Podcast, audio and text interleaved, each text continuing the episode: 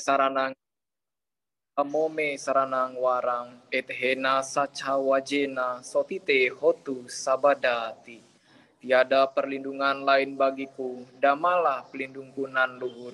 Berkat pernyataan kebenaran ini, semoga kita semua selamat dan sejahtera.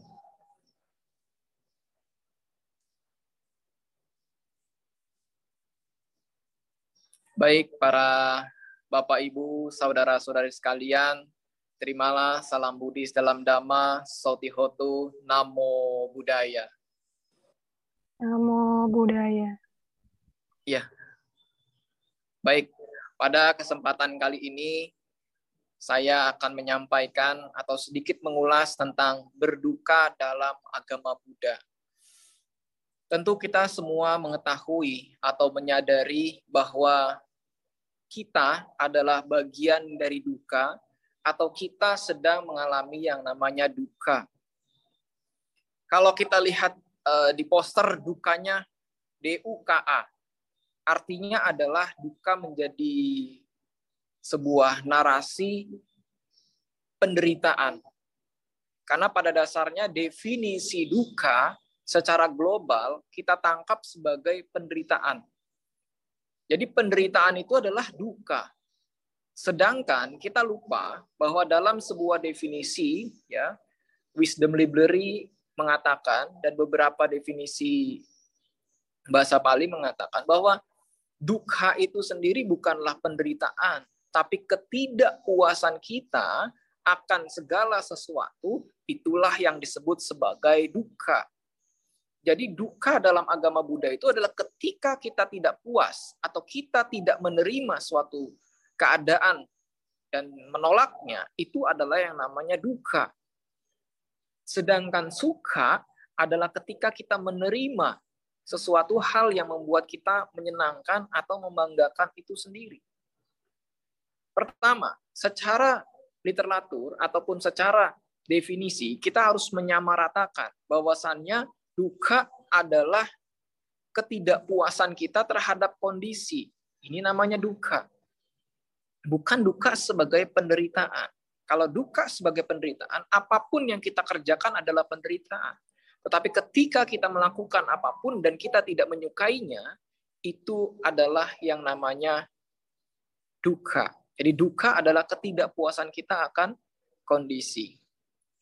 Bapak Ibu Saudara-saudara sekalian, hal ini dikuatkan kembali oleh di dalam Kumaraka Suta. Jadi Kumara itu adalah seorang anak laki-laki ya. Jadi dalam suta ini mengkisahkan eh, tentang anak laki-laki. Dalam Kumaraka Suta ini ada dalam kitab Udana diceritakan bahwa suatu ketika Sang Bagawa ini berada di hutan Jeta di mana Sang Buddha seperti aktivitas biasanya pada pagi hari bangun merenungkan siapa yang layak untuk diberikan pertolongan, siapa yang layak untuk diberikan e, bantuan oleh Sang Buddha itu sendiri. Nah, ketika pagi hari Sang Buddha melihat ada sekumpulan anak-anak pemuda di mana mereka itu sedang menangkap ikan, sedang berusaha membuat ikan itu terperangkap dalam jaring yang dia inginkan.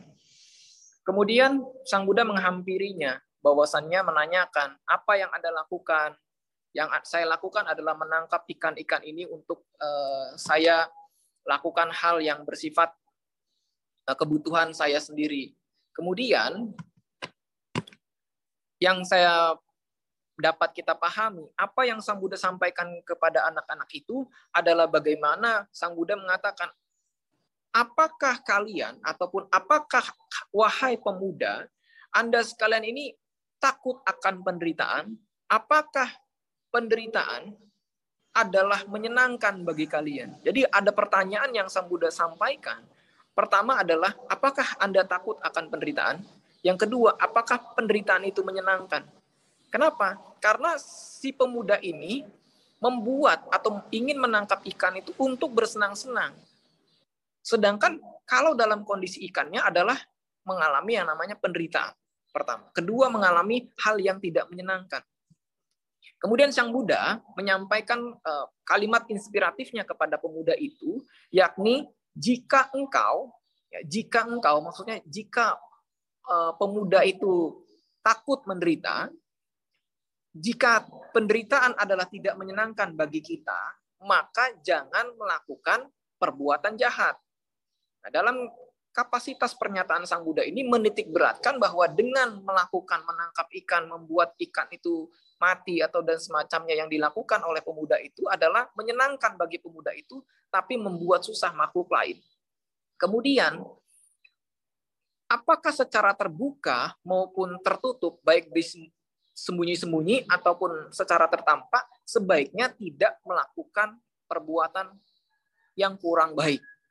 Inilah yang mengatakan bahwa pemuda itu haruslah mengkondisikan hal-hal yang bersifat positif. Kemudian, jika engkau tahu bahwa penderitaan itu tidak menyenangkan, maka selayaknya engkau tidak melakukan perbuatan jahat, juga tidak sedang melakukan perbuatan jahat. Maka bagimu apabila tidak melakukan perbuatan jahat, kamu sedang berjuang untuk melepaskan penderitaan untuk menuju ke arah pembebasan. Artinya untuk menuju pembebasan atau suka itu sendiri. Nah, dari latar belakang Suta Kumara Suta ini mengisyaratkan bahwa pesan Sang Buddha kepada para perumah tangga atau para pengikutnya adalah bagaimana kita tidak melukai makhluk lain, tidak menyebabkan makhluk lain menderita, tidak menyebabkan makhluk lain itu meninggal dan semacamnya.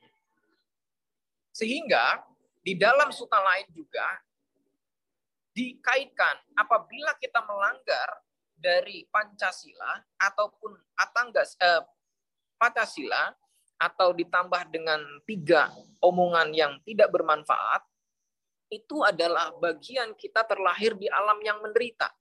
Salah satu contohnya adalah apabila kita melanggar pelatihan moralitas yang bersifat membunuh makhluk hidup, ini akan membuat orang itu terlahir di alam yang namanya neraka. Ini salah satu contohnya. Kemudian, duka yang selama ini kita isyaratkan adalah duka secara eksternal maupun internal dalam diri kita. Kenapa? Karena terjadinya suatu duka itu adalah pertama, ini terurai dalam duka suta. Pertama, itu ketika indria kita bersentuhan dengan yang namanya objek. Contoh, mata. Mata kita melihat orang yang ada di hadapan kita. Menyenangkan atau tidak menyenangkan itu langsung respon. Contohnya, gampangnya. Bapak Ibu melihat Pak Sarwan, menyenangkan. Berarti apa? Suka yang muncul. Kalau melihat Pak Sarwan tidak menyenangkan, berarti duka yang muncul. Karena duka dari mata turun ke perasaan. Bukan dari mata turun ke hati ya. Dari mata turun ke perasaan. Kalau perasaannya suka, kita akan mau dan mampu mendolong, membantu orang lain. Tapi kalau kita tidak suka, kita acap kali tidak mau membantu orang tersebut. Makanya kembali saya tekankan bahwa kalau kita itu ingin bahagia, jagalah indria kita untuk tidak terkontaminasi oleh hal-hal yang tidak bermanfaat. Contoh, biasanya kita menyebabkan diri kita sendiri menderita karena ulah kita sendiri. Apa itu? Contoh ada biasanya para eh, ibu-ibu atau anak-anak muda ke suatu mall atau gimana melihat barang-barang barang-barang barang lihat suka, lihat suka, lihat suka, lihat suka. Terlalu banyak objek yang kita lihat, banyaklah pertimbangan dalam pikiran kita. Misalkan kita punya uang sekian, tapi keinginan yang kita mau beli sekian. Kalau nggak dibeli, ini sudah dikejar diskon, sudah dikejar yang namanya promo. Sebenarnya gitu kan? Jadi sebenarnya ada yang membuat kita bangga dalam suatu proses jual beli, tapi ada yang membuat kita menderita dalam proses jual beli. Apa? kita ini biasa termakan oleh yang namanya promo. Promo diskon, ya kan? Oh, pokoknya kalau ada ini kemarin 11 11, nanti 12 12, ya kan? Nanti 13 13. Jadi kalau ada promo itu, itu langsung senang kan? Wah, langsung scroll scroll scroll scroll, lihat suka beli, lihat suka beli, lihat suka masuk list tuh. Nanti yang kita keluarkan di list kan tidak semuanya yang kita beli, yang kita masukkan di list kan, yang kita check out kan semuanya tidak di situ. Nah, Sisa-sisa itu apa? Jadi beban pikiran. kapan bisa keluarinnya? Nanti kalau nggak dikeluarin sudah habis masa diskonnya, sudah habis nanti kita check outnya. Kalau nggak dikeluar dan yang lain-lainnya dengan beragam uh, keluh kesah yang kita hadapi. Jadi sebenarnya apa? Sebenarnya bagaimana kita menetralisir hal-hal yang kita dengar, hal-hal yang kita lihat, hal-hal yang kita rasakan. Contoh hal-hal yang kita lihat adalah seperti tadi, ada diskon apa 11 11 12 12 dan lain-lain. Itu adalah bagian dari apa?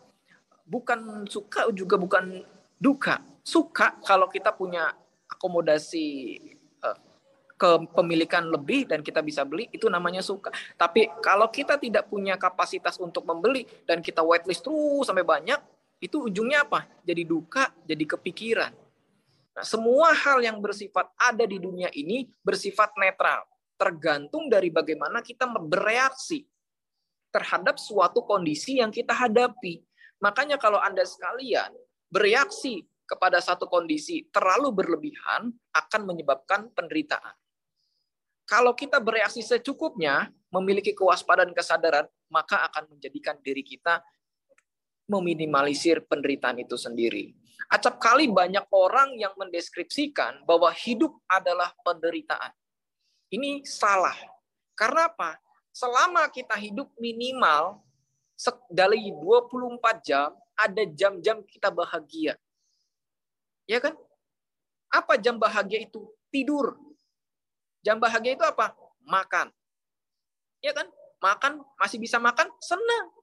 Masih bisa tidur, senang. Itu adalah bahagia. Jadi bahagia itu konotasinya bukan kita tidak bisa menghadapi masalah adalah penderitaan. Tidak. Masalah semua dapat kita hadapi asalkan kita punya yang namanya kemampuan untuk mengelola. Karena hal yang masuk dalam pikiran kita, baik dari mata, telinga, indera-indera yang lain, itu harus kita apa namanya selektif, terima atau blok. Jadi jangan biarkan suatu kondisi itu masuk dalam pikiran kita sampai kita pikirkan. Kalau rasanya tidak penting, perlahan kita geser. Tapi kalau itu penting, pertahankan. Bagaimana kita pikirkan, bagaimana ke depannya, bagaimana, bagaimana. Atau bahasa gampangnya, anggaplah pikiran kita ini adalah uh, touch screen, seperti handphone kita itu. Kan kalau Anda misalkan mau lihat uh, suatu gambar yang bagus, ditahan videonya, diulang lagi, diulang lagi. Tapi kalau nggak Anda tidak suka, apa? Swipe, swipe, atas ke bawah, atas ke bawah. Nah itu kan menjadikan pribadi kita bisa memilih kalau kita tidak bisa melakukan swipe up ataupun e, menggeser dari kondisi-kondisi yang tidak bermanfaat bagi diri kita, kita akan terus bermasalah. Karena pada dasarnya agama Buddha mendidik kita bagaimana keluar dari masalah dan tidak menyebabkan masalah lagi. Kalau Anda mengatakan dalam agama Buddha itu keluar dari masalah satu, masuk ke masalah lain, itu bu bukan mengatakan bahwa sekeluar dari duka satu masuk dalam duka lain tidak tapi keluar dari semua duka untuk menuju ke arah pembebasan nah ini yang harus kita pahami bahwa apa yang kita perjuangkan dalam hidup ini adalah keluar dari duka. Cara keluar dari duka adalah bagaimana kita tidak terindikasi atau tidak terkonfirmasi dari hal-hal yang tidak menyenangkan. Sang Buddha sangat erat sekali mengatakan bahwasannya bergaulah dengan orang-orang yang bijaksana dan tidaklah bergaul dengan orang-orang yang tidak bijaksana. Maaf, saya klarifikasi. Pandita nanca sewana. Bergaulah dengan para bijaksana dan sebaiknya tidak bergaul dengan orang-orang yang tidak bijaksana. Kalau di dalam suatu proses kehidupan kita diberikan dua pilihan, pilihan menjadi orang pintar atau pilihan menjadi orang uh, benar. Suatu hal yang dilematis. Tapi harus kita pahami di sini, kebenaran yang dimaksud adalah dhamma. Contoh, banyak orang pintar yang tidak mengerti dhamma. Tapi banyak orang yang mengerti dhamma juga tidak pintar. Karena bagi diri kita, meyakinkan orang pintar adalah sangat sulit Tapi meyakinkan orang tidak pintar dengan kebenaran adalah sangat mudah. Mengapa hal ini dapat kita pahami? Karena meyakinkan orang pintar untuk sebuah kebenaran adalah hal yang sulit. Kenapa? Orang pintar itu selalu menganalisa, selalu berpikir apa yang diasumsikan adalah benar. Tapi kalau orang yang tidak pintar disampaikan kebenaran secara berulang, maka dia akan perlahan memikirkan, perlahan menerima.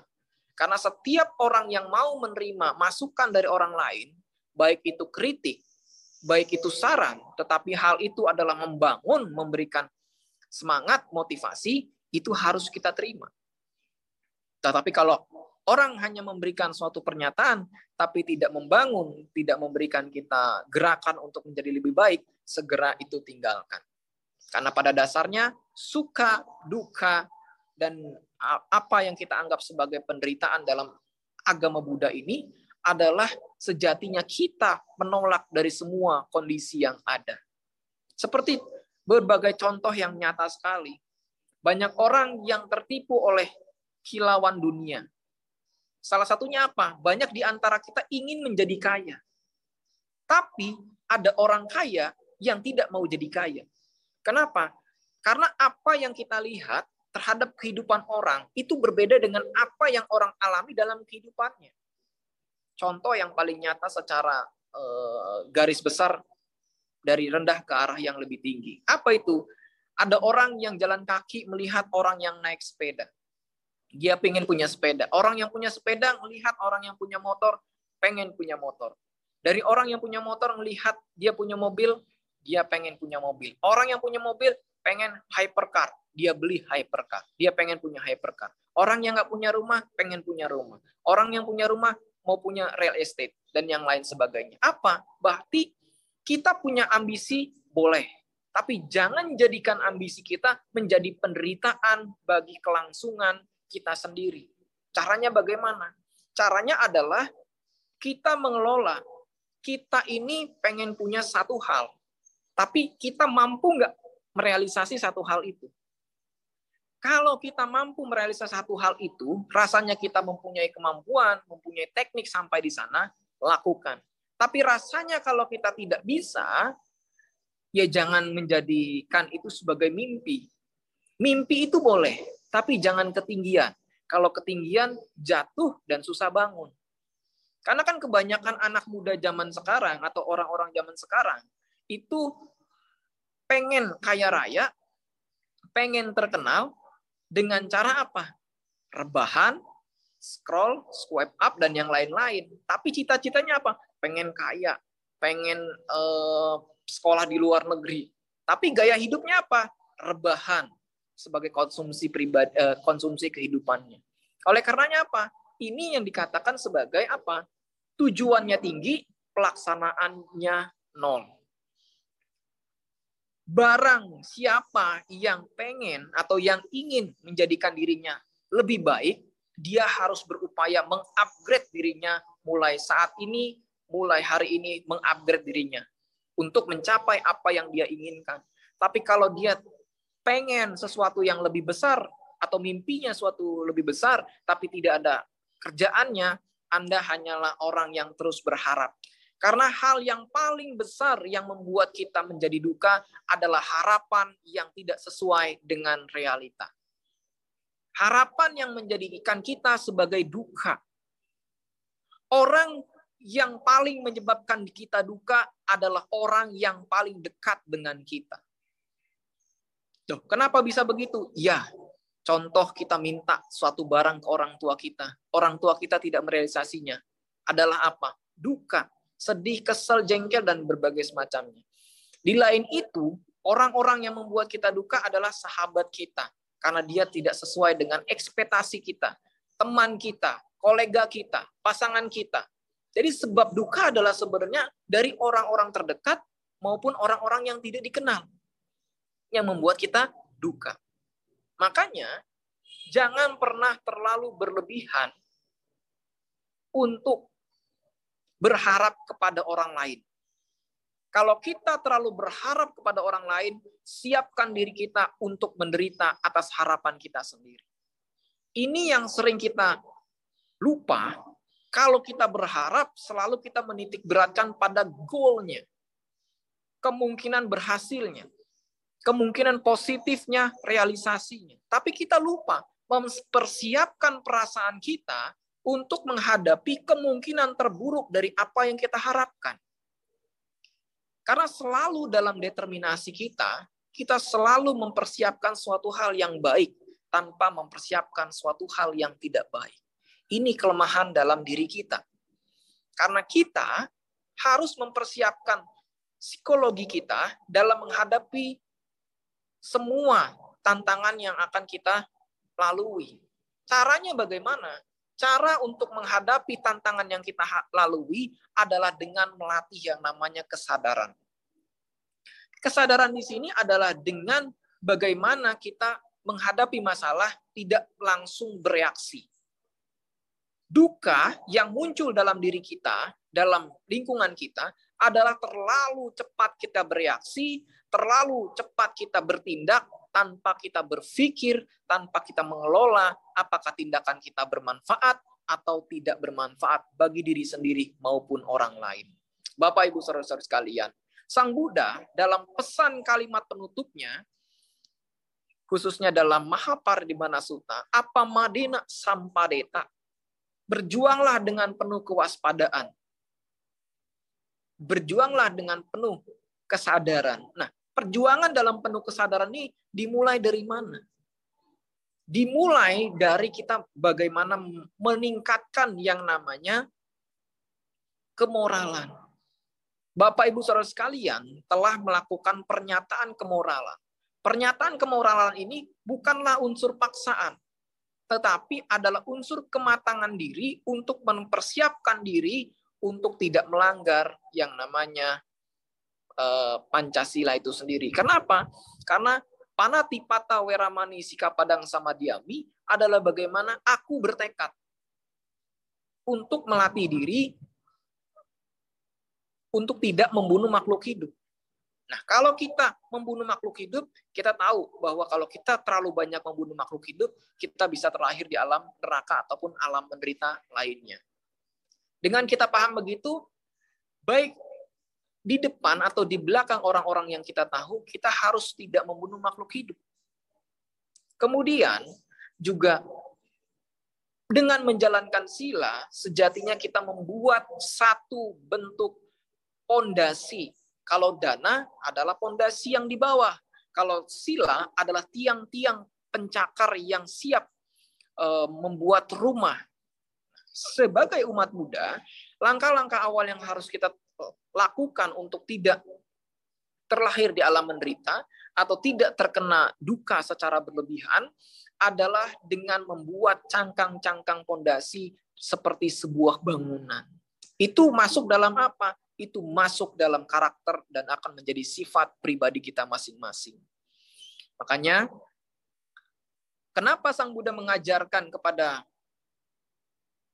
pemuda Yasa atau pangeran Yasa apa yang disampaikan itu pertama-tama kepada orang tuanya, pemuda Yasa sebagai upasaka upasika pertama, adalah dengan memberikan sila, eh, dengan memberikan dana sebagai latihan pertama.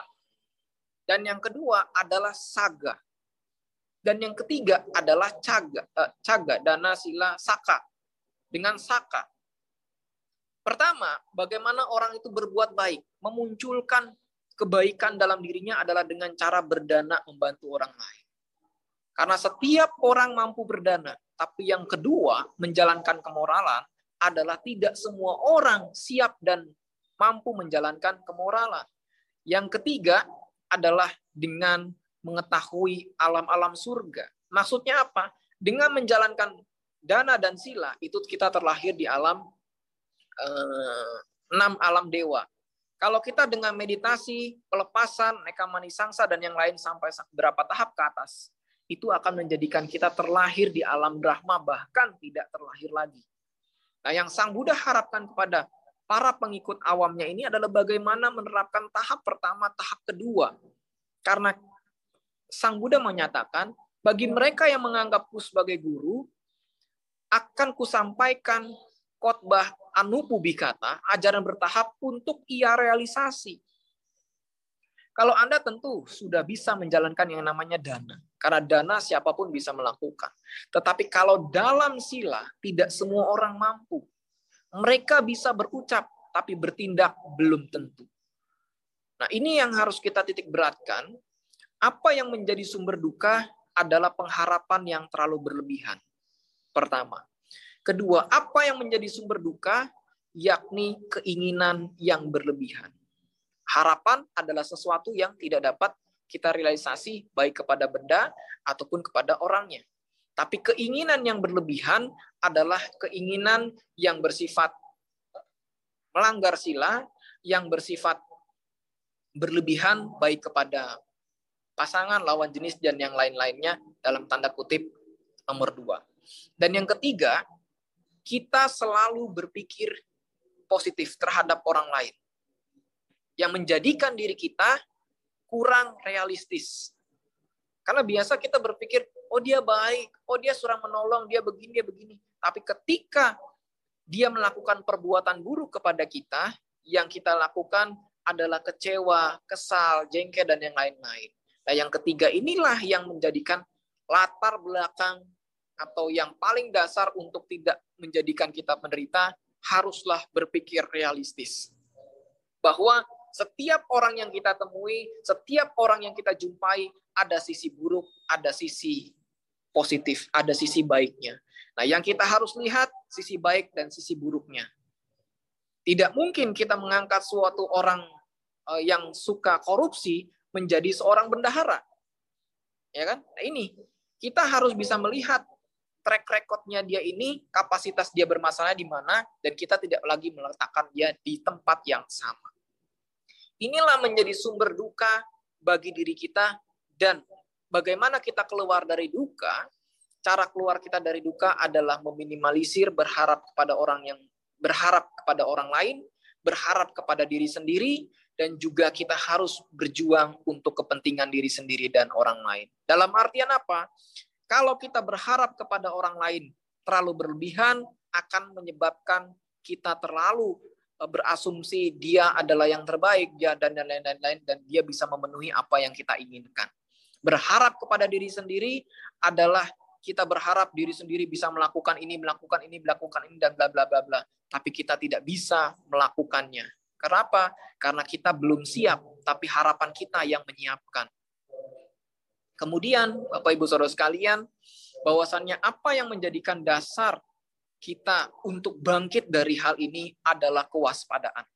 Jadi waspada dalam setiap momen, baik itu kita ingin melakukan transaksi jual beli barang, baik itu kita berkomunikasi, baik itu kita melakukan suatu tindakan uh, di wihara atau yang lain-lain, bicaralah seperlunya, lakukanlah seperlunya. Jika itu membuatmu bersemangat, jika itu membuatmu bahagia, lakukanlah secara terus-menerus. Jika hal itu membuatmu menderita, pikirkan lagi hal yang Anda lakukan bermanfaat atau tidak untuk diri Anda, baik untuk kemajuan diri Anda sekarang atau masa yang akan datang. Inilah yang dapat saya paparkan sebagai perenungan bahwa duka sebabnya ada diri kita dan juga kondisinya ada di luar dari kita. Harapan yang berlebihan terhadap kondisi adalah bagian dari faktor-faktor duka yang menitik beratkan kita pada ekspektasi terhadap lingkungan kondisi-kondisi itu sendiri. Oleh karenanya, duka dalam agama Buddha adalah ketidakpuasan terhadap kondisi-kondisi yang ada. Inilah yang dikatakan sebagai duka. Duka bukanlah secara garis besar penderitaan, tetapi duka adalah faktor yang menyebabkan penderitaan itu sendiri. Atau yang dapat saya simpulkan, duka adalah varian terbesar di dalam penderitaan itu sendiri yang kita tolak dari kondisi-kondisi. Demikian yang dapat saya paparkan. Terima kasih. Akhir kata, sabe sata bawon kita semoga semua makhluk hidup berbahagia. Nanti sudah ada pertanyaan yang masuk, akan saya bacakan.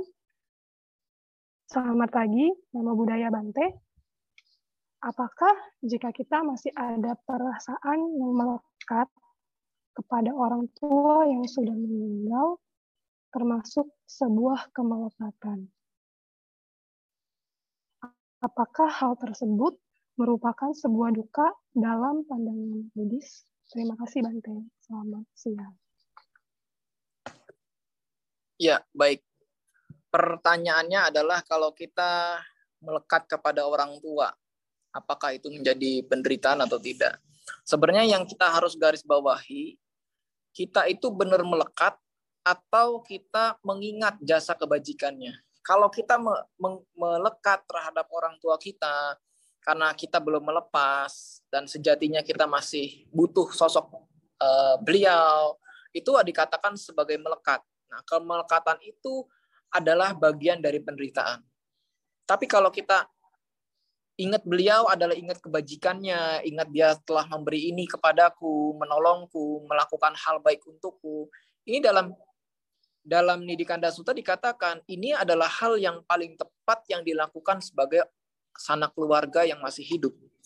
Jadi kategori melekatnya ini apakah melekat dengan tidak bisa melepas sosok dengan tidak bisa melepas sosok seperti orang itu atau kita memang melihat sosok itu sebagai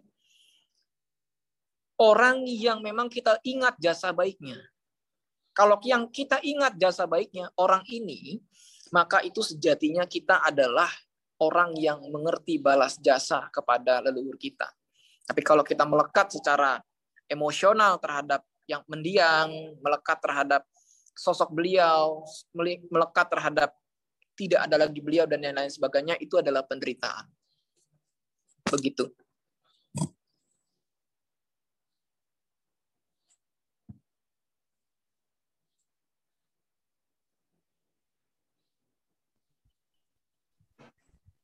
Baik, Bante. Uh, terima kasih atas cara emosional. Apakah ada cara tertentu dalam Buddhisme untuk kita mengatasi hal tersebut? Cara dalam mengatasi hal tersebut adalah dengan kita uh, belajar mengatakan bahwa saya siap. Saya sudah siap untuk ditinggalkan. Biasanya kan kita melekat itu karena kita tidak siap ditinggalkan.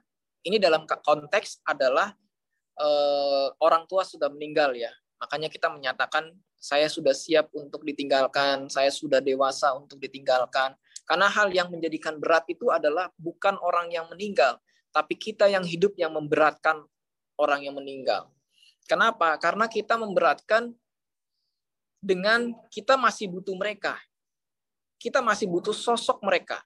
Caranya adalah melakukan determinasi dalam diri bahwa saya sudah lebih dewasa, saya sudah harus siap meninggalkan uh, orang tua saya. Maksudnya adalah meninggalkan untuk mereka lanjut dalam proses kehidupan selanjutnya.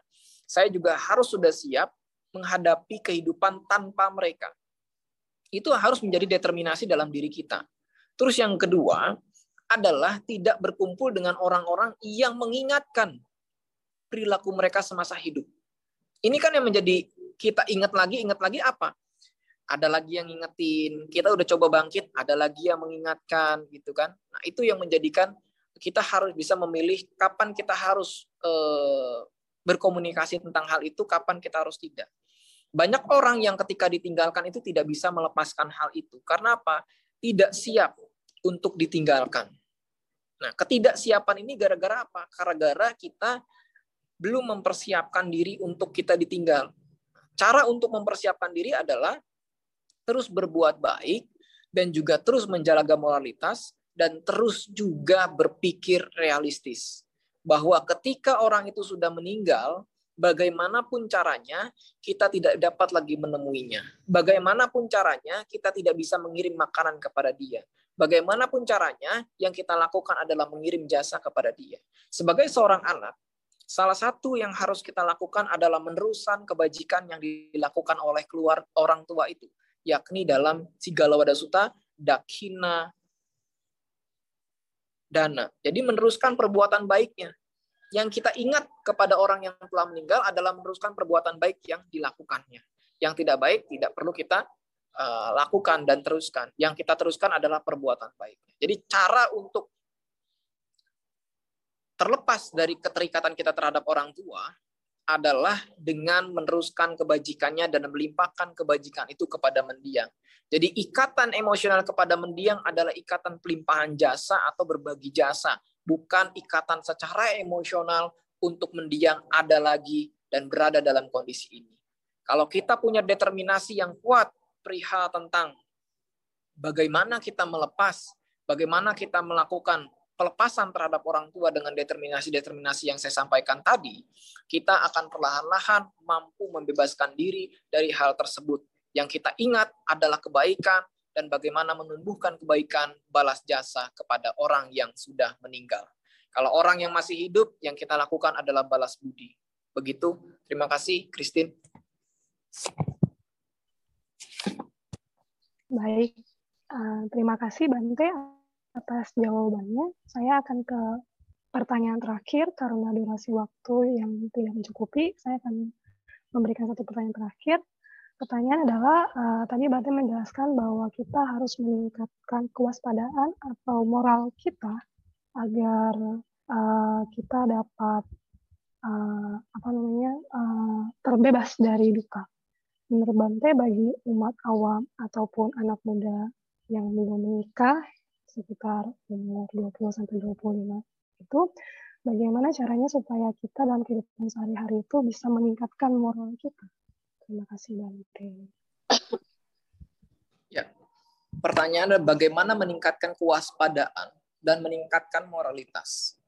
Meningkatkan kewaspadaan adalah dengan kita mampu yang namanya melatih meditasi anapanasati. Itu minimal meningkatkan kewaspadaan. Kewaspadaan itu ditingkatkan adalah dengan kita mengamati objek yang secara konsisten. Dalam artian adalah objek napas. Karena dia keluar masuk keluar masuk kita amatin ini orang masuk pintu, ini orang keluar pintu, ini orang. Jadi kewaspadaan itu adalah seperti kita sebuah CCTV yang bisa punya remote control membuat pintu orang itu bisa masuk, orang itu tidak bisa masuk. Nah, dilakukan dengan meditasi anapanasati. Kemudian yang harus kita lakukan adalah dengan tidak terkontaminasi dari orang-orang yang membuat kita tidak bisa melatih kemoralan. Apa itu? Ada orang-orang yang senang dengan membunuh, berarti kita harus keluar dari zona membunuh. Atau saat mereka membunuh, kita harus sadar, saya kalau mereka mau melakukan pembunuhan, ya saya tidak ikut dalam proses itu.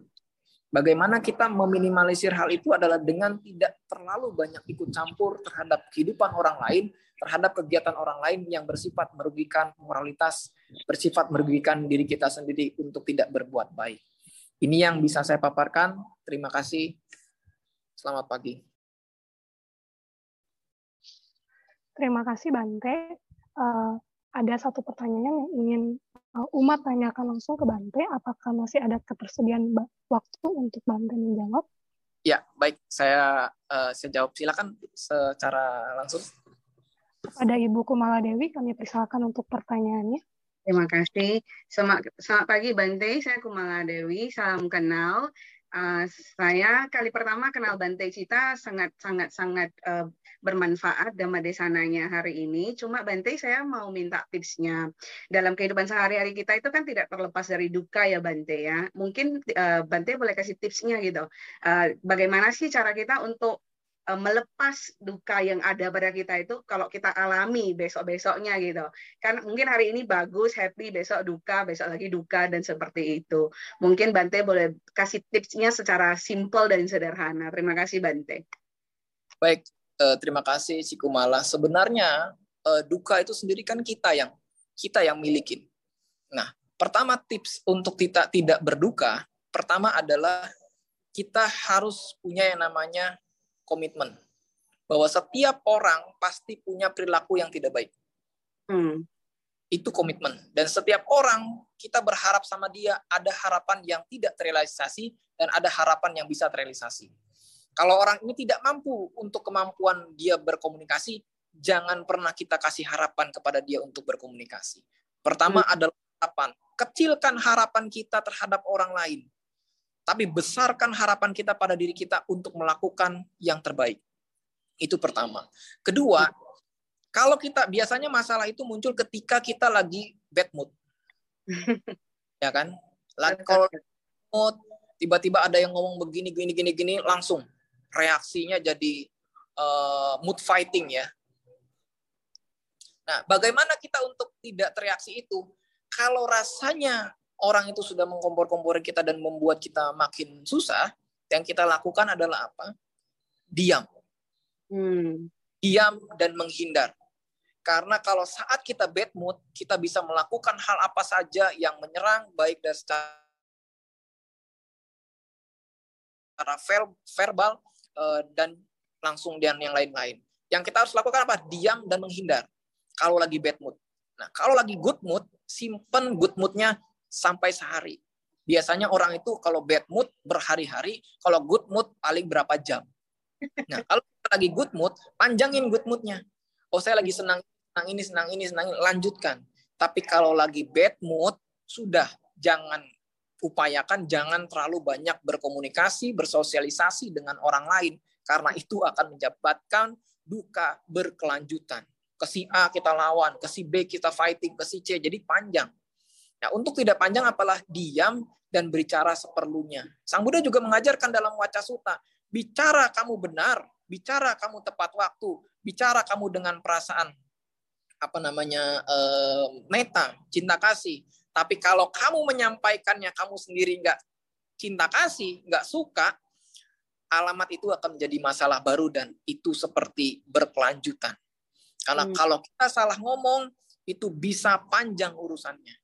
Kalau kita tidak ngomong, memang masalah tetap ada, tapi tidak berkelanjutan. Hmm. Ini salah satu trik yang saya yang sering saya hadapi. Kalau misalkan kita udah kayaknya males gitu berdebat sama orang ini, ya udah kita mundur, bukan karena mundur bukan berarti kalah gitu. Hmm. Mundur mempersiapkan strategi perang. Hmm. Bahasanya seperti itu. Untuk apa? Kalau kita hadapi masalah saat itu juga, pasti kita sendiri tidak akan pernah berpikir realistis.